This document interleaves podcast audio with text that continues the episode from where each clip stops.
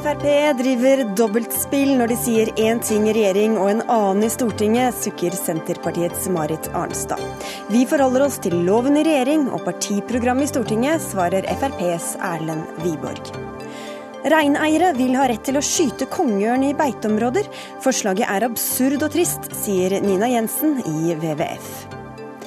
Erling Kagge stiller ut bananskall og plastkanner på Astrup Fearnley.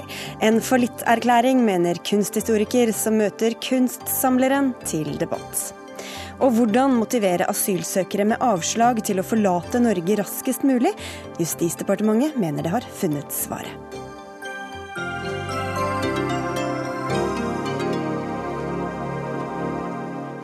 Dette er Dagsnytt 18 i NRK P2 og NRK2, hvor vi også slår et slag for villbiene. Jeg heter Sigrid Solund. Denne uka presenterte arbeidsminister Robert Eriksson fra Frp et trygdeoppgjør som gjør at rundt 700 000 alderspensjonister antagelig får litt dårligere kjøpekraft enn de har hatt pga. hvordan utbetalingene reguleres.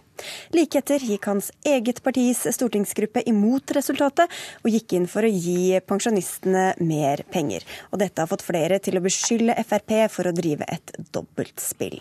Marit Arnstad, du er parlamentarisk leder for Senterpartiet, og du sier at Frp har opptrådt uredelig uredelig i denne saken, og gitt inntrykk av at partiet ønsket å gi pensjonistene mer enn de faktisk ville. Hvordan begrunner du det? Nei, Det vi står overfor her, er jo et Frp som eh, er med å fremme ett forslag i regjering, og så prøver de å lure seg unna det samme forslaget i Stortinget. Eh, og da driver Frp et eh, bevisst dobbeltspill. Og jeg tror, vet, jeg tror de også utmerket godt sjøl vet at de her har en planlagt på en måte dobbeltspill. Og det er vanskelig for noe annet parti i Stortinget å ta seriøst. Det er rett og slett synes jeg litt flaut for, eh, for Stortinget at vi blir vitne til den type spill. Ja, hva, det er ikke alle det står jo om dette bl.a. i Aftenposten i dag, men hva, for å høre din versjon av eh, saken, hva er det som har skjedd her? Du mener min versjon av ja, saken? Ja, altså, mener, jeg mener for alle som ikke følger alle nyhetssendinger og leser alle artikler. Altså, da har arbeidsministeren, som jo er Frp sin statsråd, eh, har da en pressekonferanse på onsdag der han legger fram trygdeoppgjøret. Eh, og så var da eh, Frp sin stortingsgruppe eh, i ettertid av pressekonferansen å gå ut og si at de eh, vil ønske seg et annet opplegg i Stortinget enn det deres egen regjering, egen statsråd, foreslår.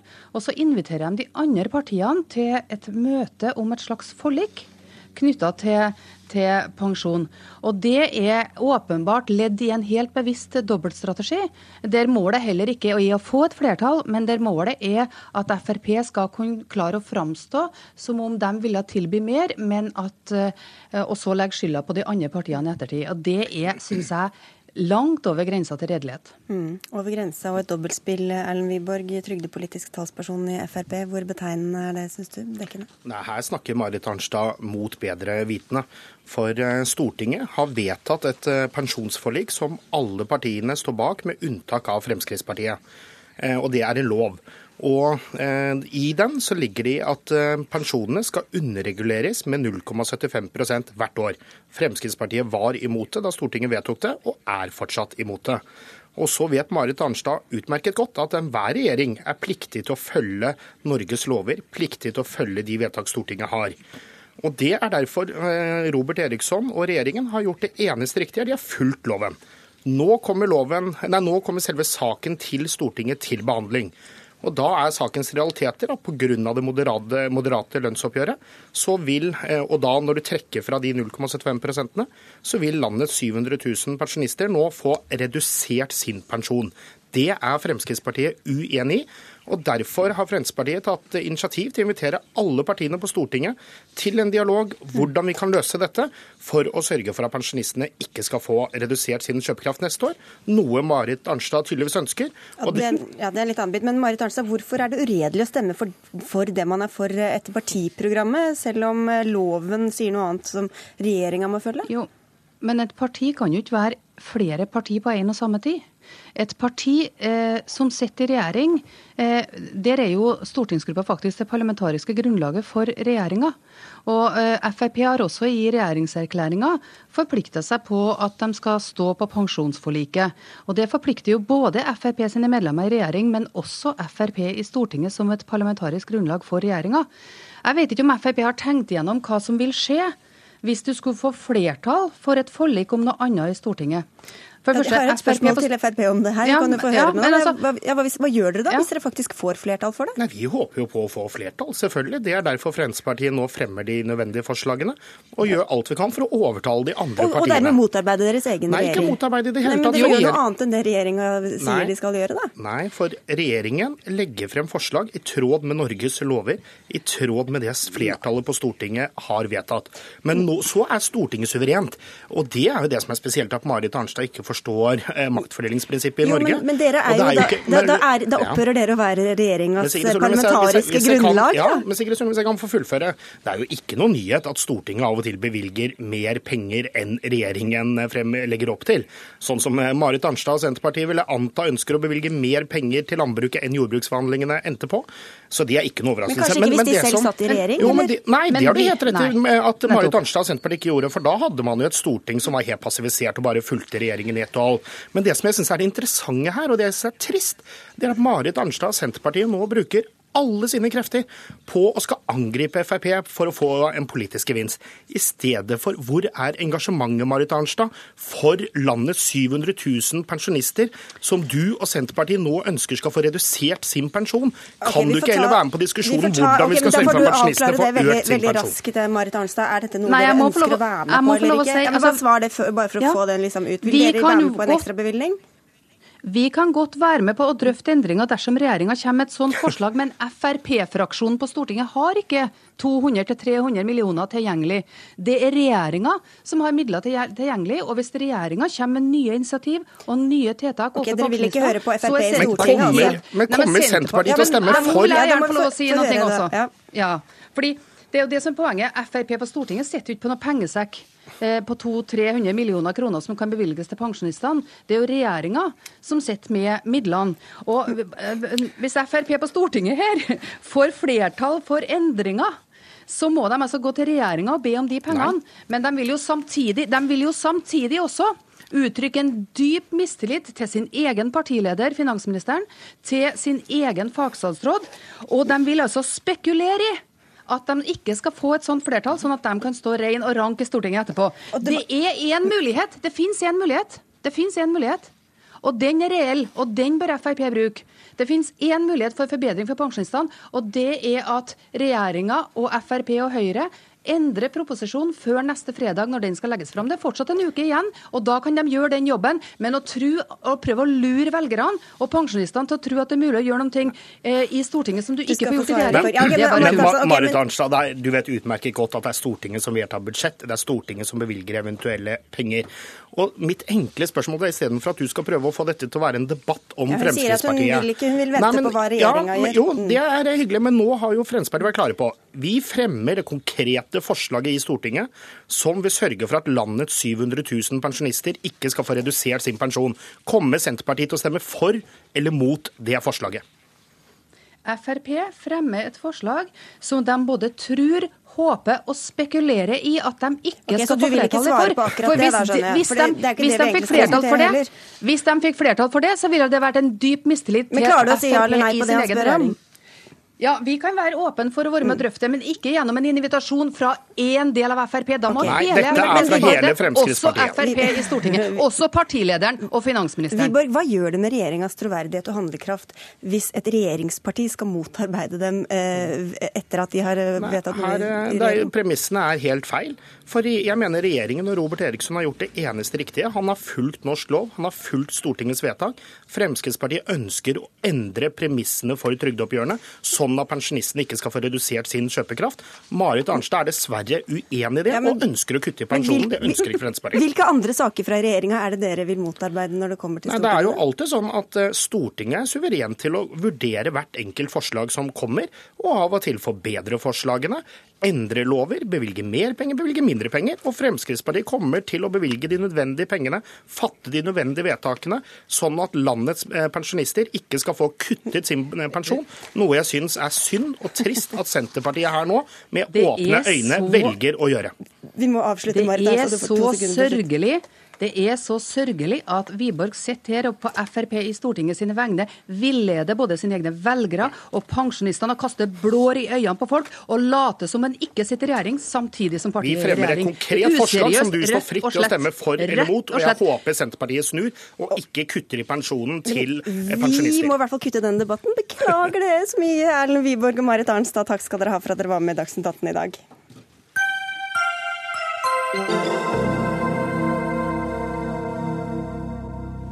Bør norske reineiere få lov å skyte ørn som kan være ute etter dyra deres? Ja, mener de selv, og skylder på at forvaltningen av kongeørn er ute av kontroll, noe som fører til at tusenvis av reinsdyr blir drept av ørn hvert år. Nei, mener du Nina Jensen, du er generalsekretær for WWF i Norge. Og hvorfor sier du nei? Nei, altså Skal man adressere problemene i reindriftsnæringa, så må man ikke skylde på en liten del av løsningen. Da må man se på det totale eh, problemet. Eh, og av rundt 100 000 eh, rein eh, som, eh, som, blir tapt eh, hvert år, så blir altså rundt 4500 av disse tatt av, av ørn. Mm. Det betyr at uh, marginale 5% av problemet utgjøres av ørn. og Da syns jeg det blir merkelig at man faktisk skal be om å få skyte ut ørn for å rette opp i problemer i reinnæringa. For de tallene er dere enige om eh, når det gjelder 100 000 og 4500. Mm. Men du, du, har kalt det trist og absurd, men de prøver bare fortvilt å ta vare på dyra sine, da, og det er dette et av uh, ja. løsningen fra dem? Og det tror jeg vi kan være helt enige om. At det er trist med rein som dør på, på beite, det er ingen tvil om. Og at man må gjøre noe for å adressere disse problemene. Det er jeg også helt enig i, for dette er et stort dyrevelferdsproblem. Men hvis man ser på forskningsrapporter som, eh, som ser på nettopp dette problemet, så påpeker de at det er for mange dyr på beite. Eh, det er for dårlige beiteforhold, og det er eh, klimatiske forhold som gjør at tapene blir store i denne næringa. Elinor Marita Jåma, du leder Norske reindriftssamers landsforbund. Hvordan har dere tenkt at dere skal gå fram når dere skal velge ut hvilke ørn dere skal skyte? Det er ganske enkelt. Det er den ørna som gjør skade. Du, I øyeblikket, liksom? eller? Ja, også i kalvingsperiodene, så, eller kalvingstida, så må man ha muligheten til å kunne ta ut den ørna som, eh, som utvolder stor skade i den flokken. Og jeg blir jo veldig forundra når jeg hører Nina her si det at uh, det er et uh, lite problem, og at uh, det ikke er løsninga. Da er jeg veldig interessert i å vite hva er løsninga hvis man ikke skal kunne ta ut de ørnene som gjør skade der og, der og da. For det er jo det som er problemet, eh, i og med at vi i dag ikke har noe forvaltning av verken kongeørn eller havørn. Og havørna òg er det jo ikke noe Men det var 5% da, som ble tatt av ørn, ja, men 5 det er mye i den store sammenhengen, fordi at man har òg eh, jerven, en har gaupa og bjørn. Så her må man se på helhet. da. Og jeg lurer på om Nina òg syns det er greit at reinsdyrkalver pines til døde. Da mener jeg at de dyrene som gjør den skaden, de må tas ut. Og så vil jeg understreke at det er ikke snakk om at man skal ha eh, uttak av enormt mengder med ørn. Det er den ørna som skader. Mm. Jeg mener at dette er et særdeles dårlig forslag. og Grunnen til det er jo eh, at det utgjør 5% av problemet. Skal man gjøre noe eh, for reinnæringa, så bør man adressere de 95 eh, som tapes av andre årsaker. I tillegg så er det jo sånn at ørnen er fredet i Norge. Vi har fått bygget opp igjen en god bestand på ørn etter at den var så godt som forsvunnet fra, fra Norge. Og det vil være så godt som umulig å finne ut av om det er denne ørnen eller en en annen ørn som faktisk har forvoldt eh, årsakene til at, eh, at, kalvene dør. Og Mye av grunnen til det er jo at kalvene allerede er i ganske eh, dårlig forfatning i mange tilfeller, og kan ha dødd av andre årsaker. Ørnen er Så det altså å se ørnen sitte der og spise, betyr ikke at den nødvendigvis har drept drept Nei, det er nemlig det. Fordi eh, disse kalvene kan altså ha dødd av andre årsaker. Ørnen er altså en utpreget åtseleter, eh, og den vil jo da eh, ta seg i kast med dyr som, eh, som allerede ligger døde på beite. Så Derfor så er det ikke noen automatisk sammenheng mellom disse to tingene. Nå, nå, nå, nå er du helt ute å kjøre, og jeg vil på det sterkeste anbefale deg å bli med ut og se med ditt blotte øyne hva som skjer ute i naturen. Her er det reineiere som er ute 24 timer i døgnet nå for å passe på flokkene sine for angrep mot rovdyr. Og det er ikke bare ørna, det er, det er andre rovdyra nå. Mitt poeng i dette her er det at vi må ha muligheten til å kunne beskytte dyrene våre Men, mot lidelser. For her er ikke snakk om at ørna, at man ikke vet hvordan ørna det er. For man Men skal du bare ta det på, på fersk gjerning, da? Eller skal du ta det når, hvis du kommer i etterkant og ser at noen spiser, eller hvis du mener å kjenne igjen en ørn som har vært der? Altså, hvor, hvor strenge det, regler skal det være? Nei, jeg mener det at reineierne må ha muligheten, sånn som det er i forhold til andre dyrene, at de skal kunne ta en telefon til fylkesmannen og be om fellingstillatelse når de er ute og ser at ørna eh, Er ute og flyr, eller? Nei, når også ørn Ja, klart hun er ute og flyr. jo, jo, ørna men... må tas når den er der, for det går ikke an å vente i ei uke på å få tillatelse til å ta ut ørna. Da har du et poeng. Men, men reineierne, de er ute nå og, uh, i naturen og, og passer flokkene sine for det her. Men så er det at reinflokken og kalvene skal ha beitero. Det går ikke an å gå inn i flokkene på den tida her når det er kalving, for de er så sårbare.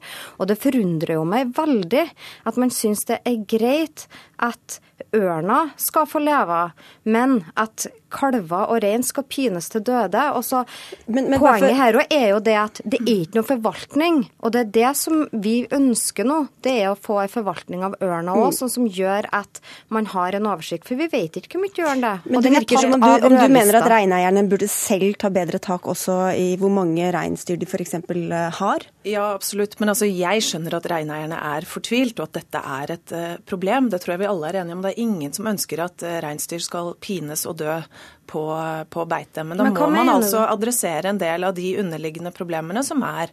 Og her har jo forskerne kommet med gode anbefalinger på hva man faktisk bør gjøre. Og det har vært gjort det, eh, forsøk i noen områder som viser hva som funker. Og det er å uh, ha et høyere slakteuttak, uh, at man har færre antall rein på beite, som da gjør at de som er igjen, er i bedre uh, kondisjon. I tillegg til at man jo har en effektiv forvaltning av rovdyr i konfliktområder. Men dette er altså ikke snakk om å da eh, gå i gang med å skyte ut ørn, som utgjør marginale 5% av eh, problemet, men snarere at man faktisk sørger for at de dyra som går på beite, har gode nok beiteforhold til å ivaretas. Jeg må bare understreke og presisere og gi det litt kunnskapsinformasjon her. For det er langt ifra sånn at det er dårlige beiteforhold over hele Norge hvor det drives reindrift. Langt derifra. Det er faktisk veldig gode beiteforhold. Og i Finnmark nå er det i vinter vært enormt gode beiteforhold. Men det er jo bra. Ikke, og det er ikke sånn at eh, dyrene er i så svak eller i så dårlig stand at det er det som er årsaken. Årsaken er det at den totale presset av rovdyr, da er det kongeørn, havørn, gaupe, eh, jerv og bjørn det er totalen. Det går ikke an å snakke om ett dyr. Det går ikke an å snakke om at det er bare 5 for det er mye mer. Man kan ikke se dette her adskilt, en må se det i sammenheng. Vi er nødt til å avslutte, men du har vært på et møte med den politiske ledelsen i Klima- og miljødepartementet i dag. Hvilke signaler fikk du derfra? Nei, Jeg syns jeg fikk gode signaler på dette her med at eh, man nå har nødt til å følge opp rovdyrforliket, som òg baserer seg på det at man må ha en erfaringsbasert forskning. For det er det total mangel av. Du får be om et møte du også, Nina Jensen. I aller høyeste grad. Jeg tror vi begge er interessert i å løse dette problemet. Kjempefint. Takk skal dere ha for at dere kom til Dagsnytt 18, Nina Jensen fra WWF og Elinor Marita Jomma fra Norske Reindriftssamers Landsforbund.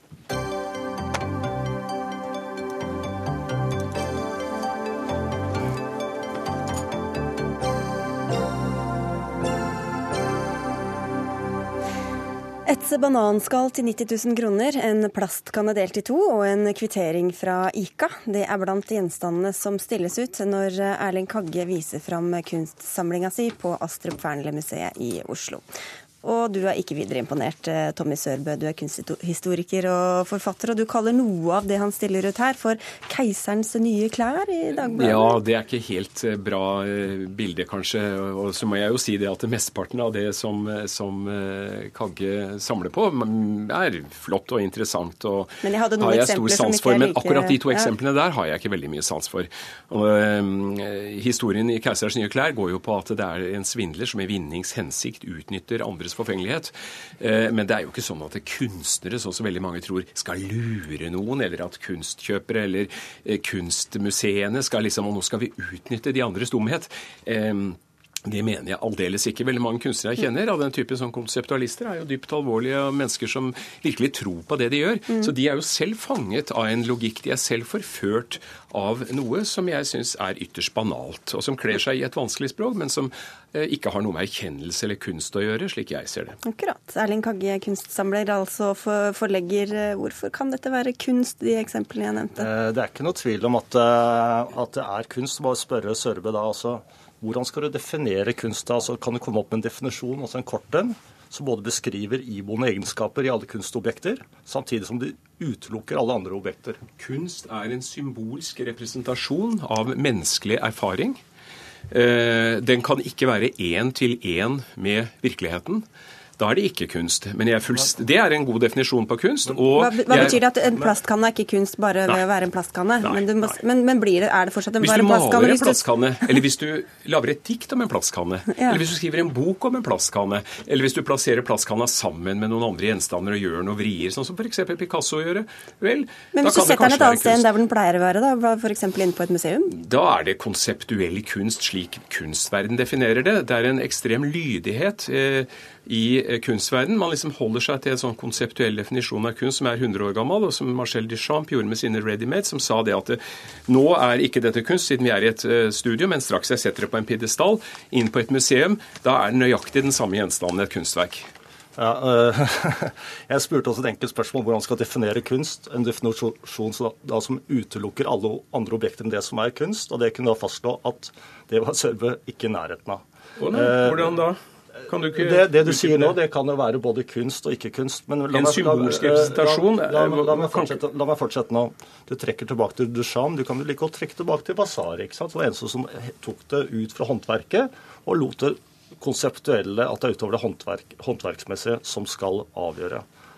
Duchamp, det var han med pissoarene, hvis det er kanskje han litt altså Kunstteoretiker eller kritiker for ca. 500 år siden. Og så er det hele greia der at Du har jo hatt klassisismen, romantikken, realismen. Ting har forandret seg hele tiden. Da hadde impresjonistene, som da ble møtt med mennesker som deg, som ikke fikk lov til å stille ut sammen med andre. Det er Edvard Munch i 1893 som ble møtt av samme type holdninger som deg. Etter det i Norge, for å ta et litt sært eksempel, gikk folk med én skistav. Så begynte det å gå med to skistaver. Da traff det mennesker som deg, som holdt på uh, å protestere mot det. Er du mot to skistaver? Og, så, og sånn har det fortsatt. Og det er egentlig det positive med det. Det er sånn verden går videre. At noen ser over horisonten og ser videre, og andre holder på med de samme argumentene hele tiden. Men hvordan vet man at det er bra nødvendigvis? da? Nei, det, er jo, det er jo jeg er helt åpenbart at man kan si om det er bra eller dårlig. Det er, det er noe annet enn å diskutere om det er kunst eller ikke kunst. Men det Sørebø liksom sånn fremhever altså det, han, er, altså han, utgjør nå en sånn bitte liten elite i Norge. og Kanskje han er den eneste som står for de synspunktene, for han er jo den eneste som prater om det. Og Ser man nå på kommentarfeltene på, i avisen i dag, så ser man at det er jo ingen som er av samme oppfatning. Altså, det er bare en...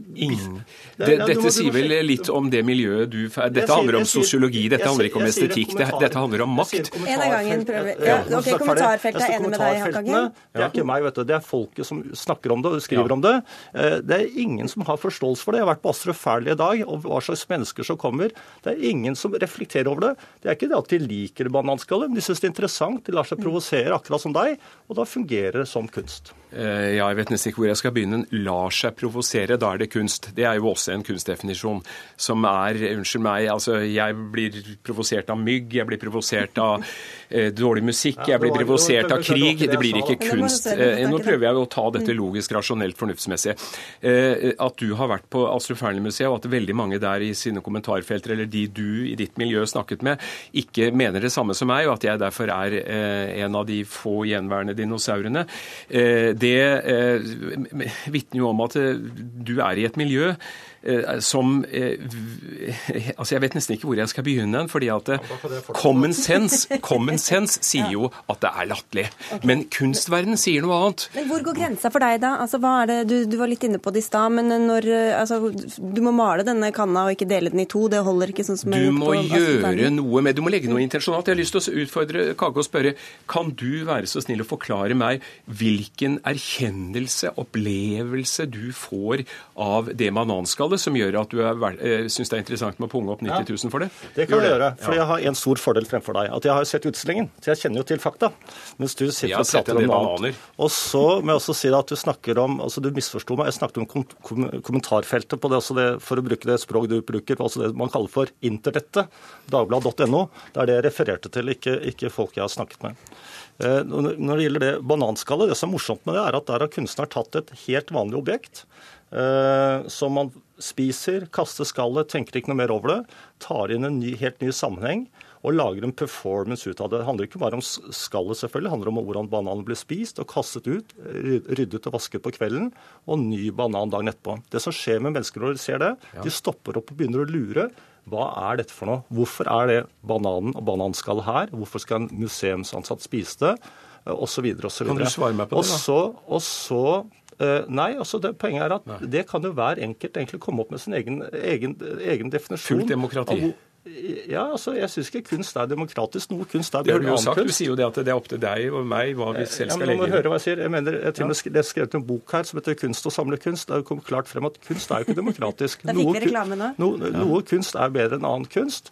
Ja. Eh, men, men, hele poenget er at du sitter igjen en sånn liten sånn uh, søt liten sånn myr langt borte, og, og, følger rett og slett ikke med. Det er helt og, riktig. I kunstverdenen er jeg en, uh, ja, en Men den konseptkunsten som du refererte til i stad, ja. som var fra 100 år tilbake, som ikke ble sett på som kunst da, ser du på det som kunst i dag? Overhodet ikke. Nei. kunstverden ser på det som kunst. Det skrives metervis om at man setter et urinal oppå en pidestall, eller at man lager en knute, sånn som en av disse kunstnerne dine har gjort. lager mm. sånn knutekunst, eller, og det sier seg jo selv at hvis jeg hadde skrelt en banan og sagt til, til Erling Kagge at vil du kjøpe den av meg for 90 000, så ville han ikke sagt det. For det handler ikke om gjenstand, det handler om hvem som sier det. Har du kred? Er du kjendis?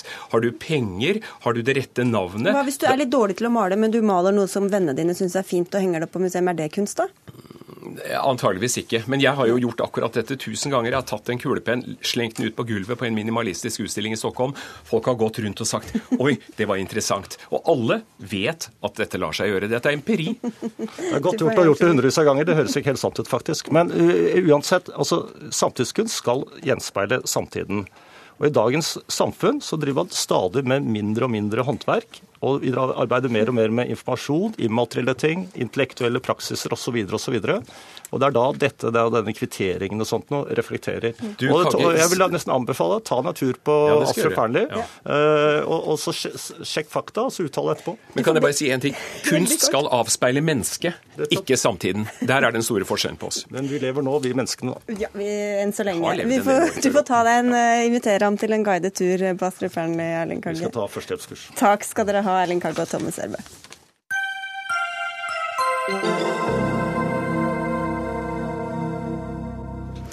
Saga kino, 8. april 1973. Og når stortingsmenn er valgt inn til Stortinget, så er det ikke velgerne de tenker på. De tenker på statskassens vel. De tenker på hvor de kan reise hen i verden. Og derfor så må vi ha FN som det største svindelapparatet som har vært.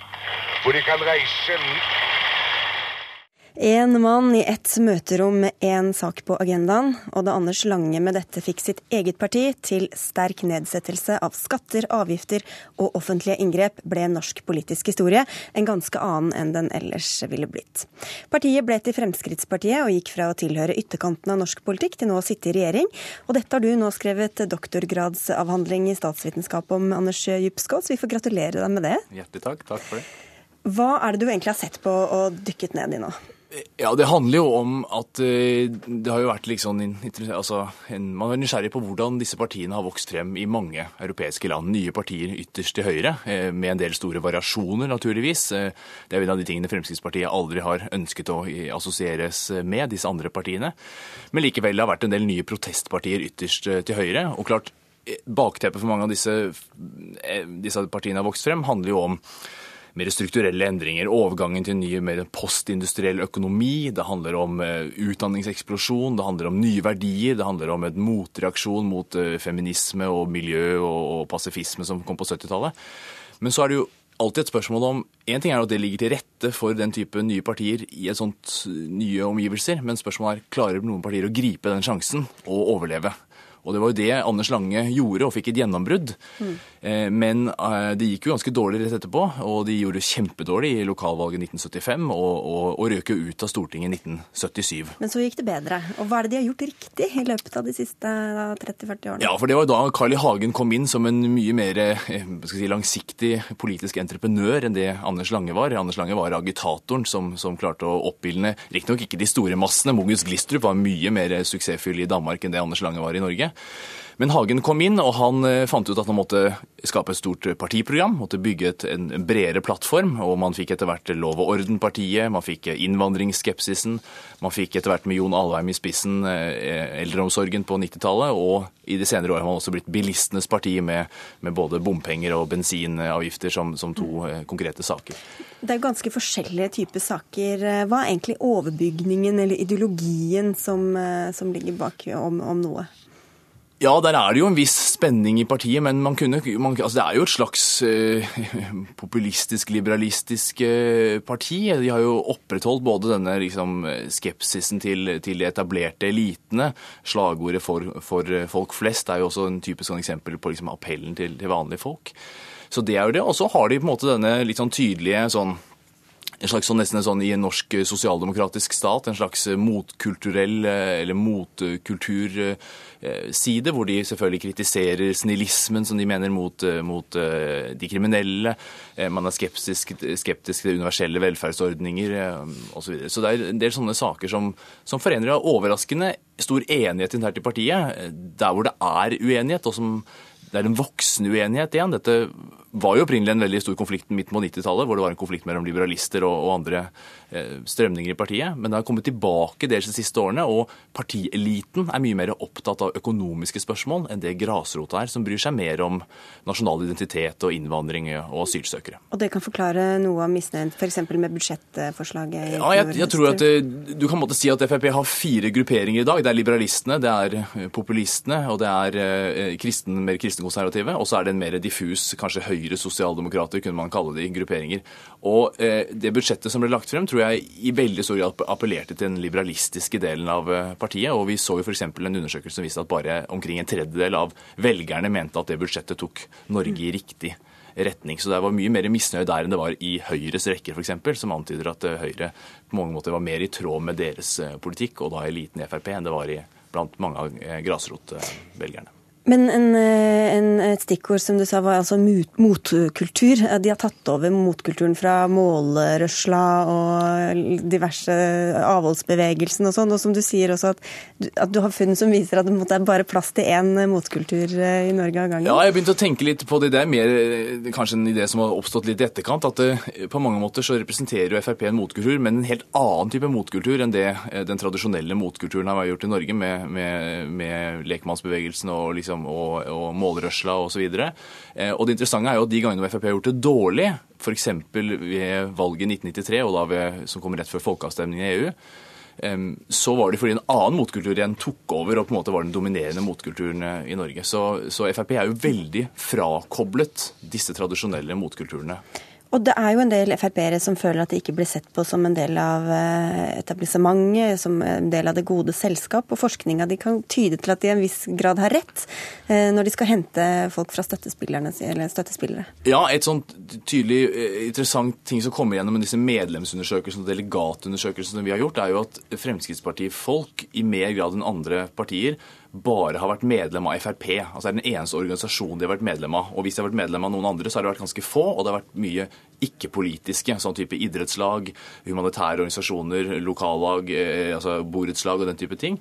Og det er interessant bare å se at Når de nå kom i regjering, så har Frp i større grad tror jeg, enn andre partier hentet da eh, rådgiverkorpset og statssekretærkorpset fra egne rekker, fordi de ikke kan trekke på den typen eh, andre ressurser i elitegrupperinger i samfunnet. Så, så på en måte er det en, fortsatt en bekreftelse på, og tallene viser også at det er mye lavere, blitt bedre over tid, men det er fortsatt mye lavere enn de andre partiene. Så så de har, trekk, har, mindre koblinger og støttespillere i resten av liksom, eh, den norske styringseliten da, sammenlignet med andre partier. Men noen har det jo. En av dem sitter der ute og skal snart eh, inn og diskutere her. Vi må si takk til deg i denne omgang, eh, Anders Djupskås, og gratulerer igjen. Takk, takk.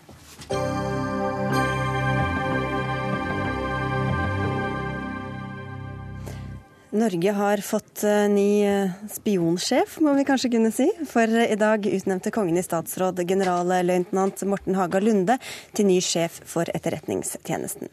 Han overtar sjefsjobben i E-tjenesten etter generalløytnant Kjell Grandhagen, og starter i jobben i januar eh, neste år. Gratulerer med ny jobb, Morten Haga Lunde. Takk for det.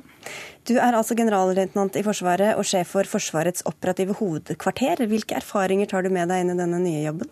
Jeg tar jo med meg de operative erfaringene som uh, en har gjort seg gjennom et langt liv, og ikke minst i, i det operative hovedkvarteret i, Bodø, som uh, har som hovedoppgave å overvåke og drive tilstedeværelse i nordområdene først og fremst, men uh, sånn sett i hele det norske området. Ja, kan vi lese noe inn i det, at de henter noe nettopp derfra, eller? Det må du jo spørre de som har gitt meg jobben om. Men jeg tenker det er god ballast å ha med seg inn i, den spennende jobben som er på vei inn i etter hvert. Du eh, etterfølger altså, som jeg sa, generalløytnant Kjell Grandhagen. Eh, han tok over for Torgeir Hagen, også han generalløytnant. Hans forgjenger igjen var generalmajor Jan Fredrik Blom. Hvordan vil du skille deg ut i denne rekken? Ja, Først og fremst er at eh, jeg heter Morten Harald Lunde og er ikke noen av disse personene, selvfølgelig. Jeg er meg sjøl og sånn sett kom inn i jobben med mine verdier og min eh, ballast. Så det er vel den Hva er dine verdier, da? Ja, mine verdier er jo de som eh, er Forsvarets verdier, altså respekt, ansvar og mot. Og det å ivareta de viktige vervene som vi får og hegne om vårt demokrati og og de verdiene som det norske samfunnet står opp. Det vil vi jo tro det gjaldt de andre også, sånn det sett så er det Men det kan jo hende at en har litt ulike innfallsvinkler til de ulike perspektivene. Det følger jo mange hemmeligheter med jobben din. Hva kan du egentlig si om hva det er dere driver med? Ja, Vi driver jo ikke spionasje, som du innleder med. Vi driver etterretning. Så vi innhenter jo informasjon først og fremst i utlandet som eh, er til nytte for eh, Norge og Norge som nasjon, slik at vi kan verne om eh, nasjonens interesse. Det, det jo... Kan du si noe om hvordan, hvordan dere gjør det? Nå har ikke jeg tiltrådt som sjef E, så det tror jeg skal vente meg til de facto gjør det, og komme tilbake til det da. Da vil du røpe alt? Nei, det tror jeg ikke, og det vil ikke være hensiktsmessig heller at en gjør det. Nei, hvordan kan norske, det norske samfunnet egentlig stole på at dere opererer etter vår beste, våre beste interesser med såpass mye hemmelighold som det kanskje da må være? Ja, igjen, Nå har ikke jeg overtatt eh, embetet som etterretningssjef, men hvis jeg tar perspektivet fra der jeg eh, sitter nå, som sjef for det for, Forsvarets operative hovedkvarter, så er vi jo under demokratisk kontroll og styring. Og det er vel det viktigste verktøyet til å kontrollere at de militære i Norge utøver det de er tillagt å utøve. Som du sier så har du jo ikke tiltrådt ennå, og du kan vel heller ikke gå i detalj. Men hvis vi ser på noe av eh, problemene eller utfordringene du får i fanget, så er det hjemvendte IS-krigere, det er nordmenn som drar ut for å kjempe altså i Syria og Irak, russisk aggresjon i nord, som du kjenner godt til. Eh, det er nok å ta fatt på? Det er nok å ta fatt på. Så vil jeg bare arrestere bitte litt igjen. Altså det jeg opplever som operativ sjef er jo ikke en russisk aggresjon i nord, eh, men det er russiske operasjoner i, i nord, inn i de områdene som jeg har ansvar for å, se på. Og disse sakene her må en jo sette seg nøye inn i og følge med, og som også beskrevet av Etterretningstjenesten i Fokus-dokumentet som kom ut her i vår, så er det de dimensjonene som blir viktige å følge også i framtida. Hva tror du blir de største utfordringene for deg, da? De største utfordringene for Etterretningstjenesten, slik de beskrives i fokusdokumentet, det er internasjonal terrorisme, det er eh, russisk eh, oppbygging og modernisering av styrkene der, og det er antageligvis også utviklinga i cyberrommet. Vi får eh, ønske deg lykke til. Takk for det. Og gratulerer igjen, og takk for at du kom til Dagsnytt 18.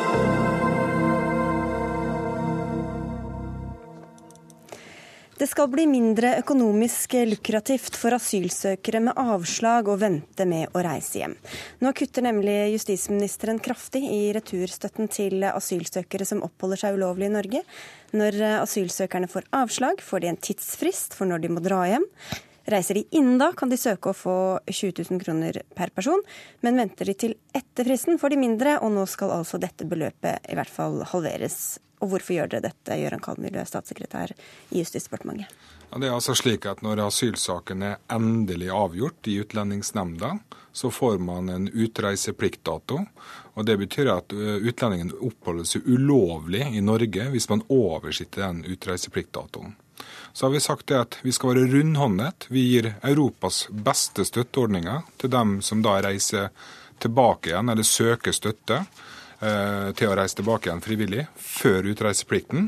Men hvis de ikke søker eller reiser innen utreiseplikten, ja da kommer vi ikke til å gi den støtten. Da kommer vi til å gå på tvangsretursporet, som har en stor kostnad for det norske samfunnet. Men hvis de reiser frivillig, så vil vi heller bruke de kostnadene vi bruker på politi og flybilletter, til å gi dem direkte til familien til å kunne etableres på nytt igjen. Bare for å avklare tvangsretur, da får de ingen penger? Men, da får de nesten ingen penger i hele tatt. Men hvis de reiser frivillig etter fristen, så, så, får de en sum, men det er denne summen dere nå skal gjøre ja. mye mindre enn i mm. dag. Mm. Gerd Fleischer, du er leder for Selvhjelp for innvandrere og flyktninger, og du er ikke spesielt begeistra for dette forslaget. Hvorfor ikke? For det første så avspeiler det et menneskesyn som uh, opprører meg.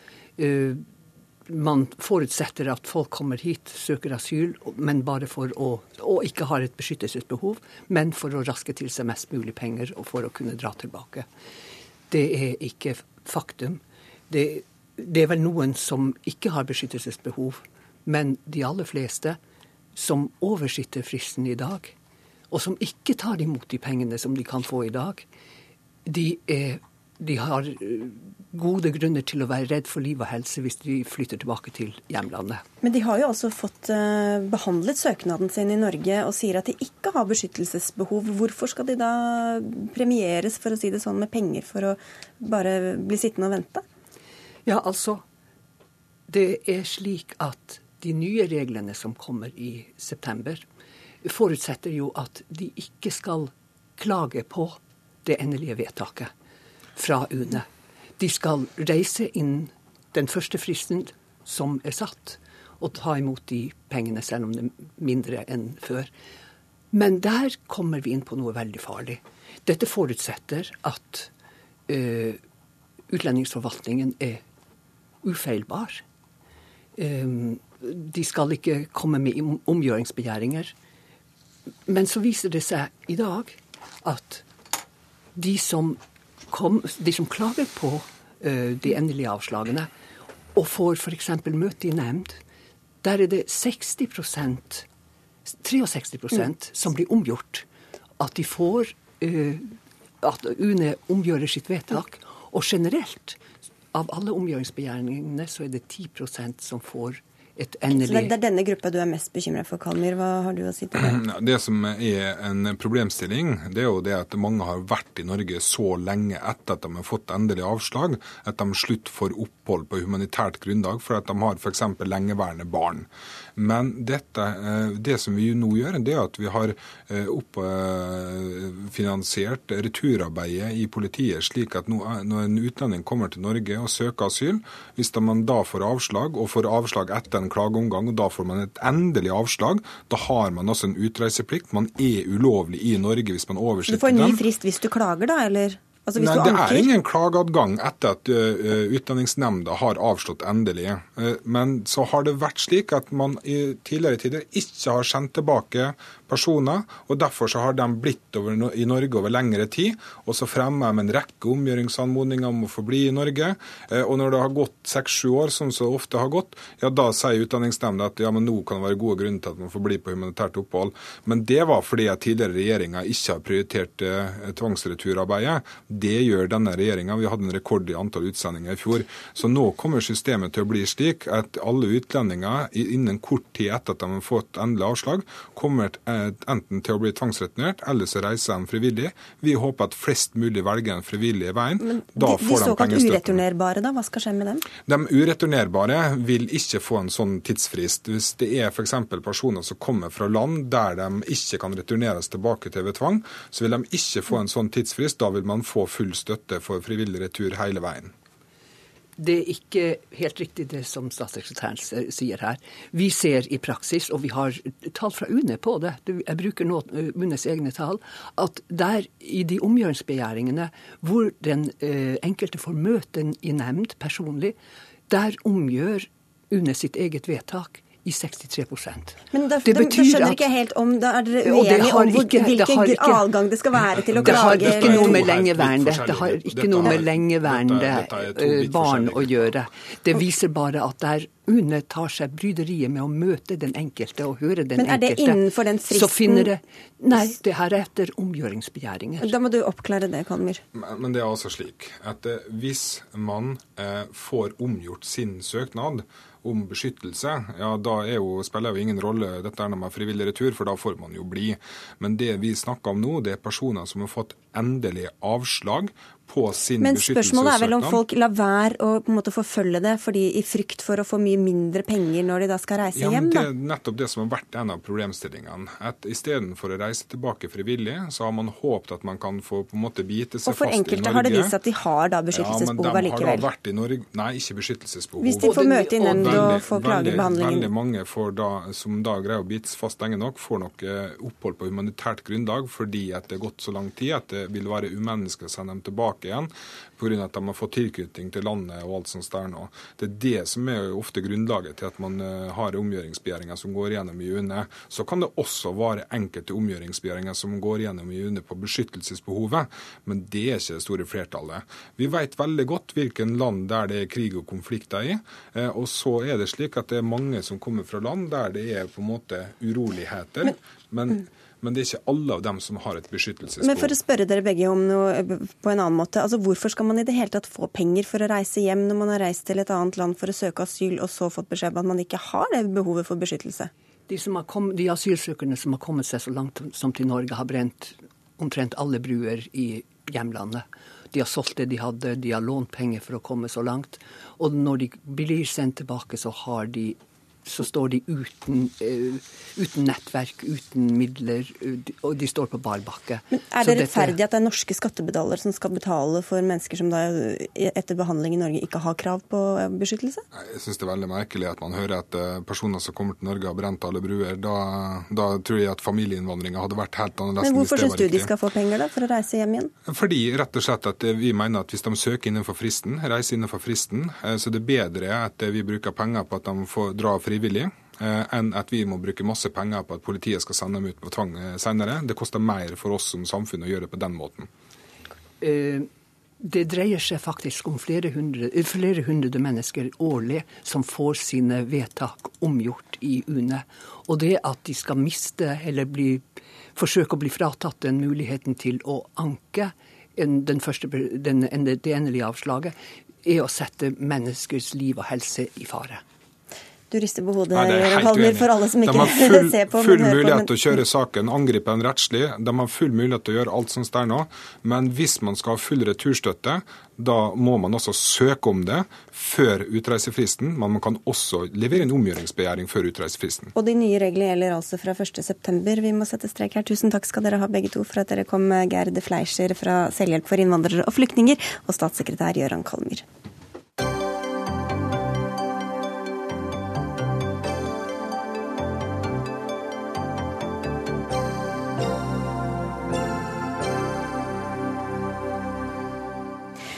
Du sender kanskje ikke en stille takk til verdens villbier når du spiser grønnsakene dine, men det burde du gjøre. For biene, og blant dem humlene, står for rundt en tredel av verdens matproduksjon. Men situasjonen for disse insektene blir mer og mer kritisk, også i Norge. Skylda for det legges nå bl.a. på norsk landbrukspolitikk, og det skal vi straks komme tilbake til. Men først, Christian Still, du er generalsekretær i Samarbeidsrådet for biologisk mangfold. Må du si hvorfor det er så viktig og kritisk at disse villbiene nå forsvinner? Biene er fantastiske insekter. Altså, vi har eh, tambiene, som er husdyra våre. Og så har vi villbier over 200 arter. Noen er små, noen er store, noen flyr tidlig om våren, noen seint. Eh, humlene eh, er store, og veldig dyktige pollinatorer med lang tunge som kan pollinere helt spesielle eh, planter, bl.a. kløver. Og når disse blir borte, så blir det dårligere produksjon. Og Dette kaller vi jo nå gjerne for økosystemtjenester eller naturens tjenester. og Dette er tjenester som leveres oss helt gratis, men som vi taper masse penger på når de tjenestene blir borte. Det er beregna at over 200 milliarder dollar er pollineringstjenestene verdt. Mm. Eh, og det er en tjeneste som vi helst ikke vil miste. For da er vi tilbake til blomstene og biene og dette må alle huske fra O-fagen. Rett og slett. Og så peker dere på norsk landbrukspolitikk som en av årsakene. Hva er det ved regjeringas politikk som fører til biedød? Eh, Regjeringa vil intensivere landbruket ytterligere. Eh, nå har vi akkurat en fersk rapport fra EU som viser at en av de største truslene mot biologisk mangfold, og da også insektene og, og disse pollineringstjenestene, det er det intensive landbruket. Eh, og Det gjør at eh, mange av de små brukene blir borte. Mye av den ekstensive driften med beiting og slått som foregår rundt omkring i hele landet, og som gir oss et fantastisk rikt kulturlandskap med massevis av blomster og andre vekster som disse insektene også er avhengig av. De kan ikke leve bare i eh, produksjonslandskapet, de må også ha dette landskapet rundt. Og Når det landskapet blir borte, så forsvinner disse insektene. Det ser vi allerede skjer. Mange, en tredjedel av biene er faktisk på rødlista, altså arter som kan bli borte fra naturen vår. Eh, og enda flere eh, bier vil havne på rødlista og bli utrydda i Norge hvis eh, regjeringas landbrukspolitikk blir sånn som de, de ønsker den. Ja, da må vi spørre, Hva er det dere har imot bier og humler, Ingunn Foss? Du er medlem av næringskomiteen på Stortinget, sitter der for Høyre? Ja, Nei, vi har absolutt ikke noen ting imot bier og humler. Snarere tvert imot. Det er klart at dette er viktig for å opprettholde matproduksjonen. Jeg vil ikke situasjonen i Norge så eh, ille som det faktisk er i andre land. I USA er jo dette et eh, kjempestort problem. Der eh, disse insektene har forsvunnet nesten over natta. altså Hele kolonier bare kollapser. Så det er klart dette er en stor utfordring. Nå tror ikke jeg at dette kan tilskrives sittende regjering. Gårdsbruk har jo blitt lagt ned i de siste 50 år. Så, Men Hvordan tar dere hensyn til det i dag, da, når dere utformer landbrukspolitikken i, i regjeringa? Ja, det som det blir sagt her, at Noe av dette kan jo tilskrives eh, landbruk, intensivt eh, landbruk. og Det er vel kanskje heller i eh, litt andre deler av verden at det er et stort problem. Så det er jo dette med bruk av plantevernmidler som er en, en viktig dimensjon inn i dette. Der er jo Norge heldig i forhold til at vi bruker veldig lite av disse plantevernmidlene i forhold til andre deler av verden.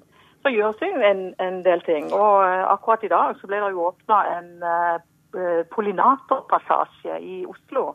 I samarbeid med birøkterlagene, med Hageselskapet, med Miljødirektoratet, for å legge til rette for at humler og bier kan eh, finne matstasjoner underveis i flukten sin. Så det gjøres absolutt. Det gjøres masse, hører vi Kristian Stil. Men, men, her forveksler Foss eh, to helt forskjellige ting. Altså Det med kollaps i bie, altså i bikuber, tambier, er noe helt annet enn det tapet vi har av biologisk mangfold, inkludert villbiene. Og det skjer i det store landskapet. Der ligger vi ikke veldig mye bedre an i Norge enn i resten av verden. Som jeg sa, en tredjedel av biene er trua på rødlista av villbiene. Eh, og, og dette vil bli enda verre med den politikken som regjeringa legger opp til. Du får svare på det, Foss. Ja, nei, det renner nok kanskje litt uenige akkurat om det. og uh, Dette er jo en felles utfordring, tenker jeg. og Myndighetene jobber jo absolutt med å uh, gi enkelte arter særlig status. akkurat for å beskytte... Men Da mener du at forskerne tar feil når de forteller at tap av kulturlandskap det gjør at en tredjedel av biene havner på rødlista, Foss? Ja, men jeg vet ikke om alt det kan tilskrives landbrukspolitikken. Det er klart at... Hvem er det det kan tilskrives, da? Nei, altså, Nå oppfordres vi jo til å eh, plante blomster på, i kassa og på taket rundt i byene. og alt sånn at Da Der ga det et stikkord. Humlene får se og leve. For det må vi bare Ja, få inn tredjepersonen her. Agnes Lykke Melvær, du er landskapsarkitekt og koordinator i Bybi, som driver med urban eh, birøkt. Og du har vel også vært med på denne pollenpassasjen, eh, pollinatorpassasjen, mener jeg, som, eh, som ble nevnt her. Hva er det dere driver med, egentlig? Vi er jo et urbant birøkterlag som jobber med hovedsakelig med honningbier. Men vi er veldig opptatt av å bedre leveforholdene for alle pollinerende insekter. Eh, og nettopp som Kristian sier, så er det jo den måten vi eh, forvalter landskapet på som, eh, som gjør det veldig vanskelig for biene. Med monokulturer, sprøytemidler og grå flater uten, uten blomstrende vekster. Så eh, vi er nødt til å eh, ja, så dette er en, en, et dugnadsprosjekt hvor vi inviterer hele byen til å være med eh, og lage en blomstrende korridor for pollinerende insekter tvers gjennom byen mellom Sognsvann og Nøkkelvann. Vi syns det er et fantastisk initiativ som både vil bedre levekårene for både tamme og ville bier i, i Oslo og andre steder hvor man setter i gang dette. Eh, og det vil også øke oppmerksomheten. Men jeg syns Foss avsporer debatten fullstendig når hun måte, peker på at dette problemet er noe som folk flest, eller altså hageeiere, skal ordne opp i ved å Mm. plante blomster i hagen sin. Selvsagt skal de gjøre det, men regjeringen må ha en konsistent politikk og ikke på en måte la være å snakke om landbrukspolitikken sin. som er det store. Privatisere biene, eller hva, Ingunn. Foss? Nei, altså Det er klart at dette er en felles utfordring, og det skal jo vi absolutt være med å eh, ha fullt eh, fokus på. Og Som jeg sa, så jobber jo myndighetene eh, med dette i forhold til det som blir satt i gang av prosjekter i forhold til miljø, miljøvern. Men har dere nok bevissthet rundt det i det, i det store? En ting er jo disse passasjene, men i det store og hva dere gjør med, med de store landskapene i, i hele Norge? Jeg tenker at Det er nok noe som eh, kommer mer og mer. Det har jo blitt mer fokus på det de siste årene. Og Det er jo selvfølgelig noe som en må eh, ta med seg videre og gjøre det en kan for at eh, disse insektene skal Men det kommer jo, det kommer jo tvert imot mindre og mindre. For det at den politikken dere legger opp til, vil altså utarme kulturlandskapet vårt. Føre til intensiv drift. Det har Sylvi Listhaug selv sagt, at hun ønsker større bruk. Hvor vi altså mister det eh, beitemangfoldet, det slåttemangfoldet som vi har rundt omkring i Norge. Eh, Og, og da kan ikke eh, på en måte, pollinator i de store byene eh, pollinere eh, matvekstene våre ute rundt omkring på landsbygda. Da må vi ha et levende landskap som inneholder det rike mangfoldet. Ja, og dette tenker jeg at eh, Sammen med mange flinke bønder der ute og eh, andre gode krefter som eh, ser på den utfordringa, er jeg helt sikker på at norske bønder vil være med på å ta dette på stort, an, stort alvor i forhold til den måten de produserer mat på. Hva er det ved politikken også som har fått det? For det er ganske mange vanlige folk for å si det sånn, som er blitt eh, litt engasjert i disse biene. Eh, Hva er det ved politikken også som har eh, fått deg til å engasjere deg? Ja, Ja, det er det, så bare, nå spurte jeg Melvær her. Ja. Ja, I dette prosjektet så skal vi jo lage en nettside til pollinatorene med oversikt over serveringssteder og overnattingssteder. Eh, og det går jo nettopp på det at eh, vi, vi må lage serveringssteder med, med blomstrende vekster. Og Og det er ikke serveringssteder til oss, liksom? Nei, det er serveringssteder til pollinatorene. Ja. Og det er fordi at nettopp eh, ved å lage disse monokulturene, så fjerner vi Hvis det er én blomstrende vekst overalt, så, også når den har sluttet å blomstre, så er det ikke noe mat. Da, da mm, Pollinatorene trenger en variasjon av blomstrende vekster som blomstrer hele sesongen. Og blomsterenger er jo, som det var veldig mye av i Norge før, var et fantastisk matfat for pollinatorene. Men de har jo nå gått ned med 90% de siste 100 årene. Så det er jo krise. Ja, hva, hvor, hva skal vi gjøre for å få, flere, få blomsterengene tilbake, Gunfoss? Foss? Ja, men jeg tenker at uh, Etter hvert som fokuset på dette øker, så som jeg sa tidligere, så tror jeg at dette er en utfordring som, uh, som norske bønder er absolutt uh, med på å legge til rette for. Det er klart at Hvis bien og humlen forsvinner, så blir det jo heller ikke matproduksjon på, på mange av disse tingene som bøndene dyrker. Så det er klart at det vil jo være et fokus som en må gjøre sammen. Og som det ble sagt her, så er jeg helt sikker på at med en dugnad her fra alle gode krefter, så må en gjøre det en kan for at uh, ikke dette skal skje. Bøndene vil helt sikkert hjelpe. altså Villbiene er bøndenes beste venn, for de pollinerer det de faktisk dyrker. Men den politikken som regjeringa legger opp til, gjør at det blir færre dyr på beite i mindre områder av landet, og vi får en mer intensiv eh, landbrukspolitikk, sånn som vi har i EU, hvor altså mangfoldet er på full fart ut. Og så må vi få et kort tips fra deg til slutt om hva hver enkelt av oss kan gjøre for å hjelpe disse biene og humlene. Vi kan eh, plante blomster, pollen- og nektarrike vekster, som med blomstring fra tidlig vår til sen høst. Og så kan vi lage insekthotell og humlekasser, som er boliger til pollinatorene. Og så kan man laste det opp på nettsiden, polly.no, for da kan alle de urbane pollinatorene gå inn og se på oversikt over hva som finnes av tilbud. Og det er kjempespennende å drive med. Vi får ta det med oss eh, alle som en. Takk skal dere ha, Ingunn Foss fra Høyre, Agnes Lykke Melvær og Christian Steele fra Sabima. Dagsnytt 18 er over for i dag. Eivind Våge var ansvarlig for innholdet, Finn Lie var tekniker, og i studio Sigrid Solund.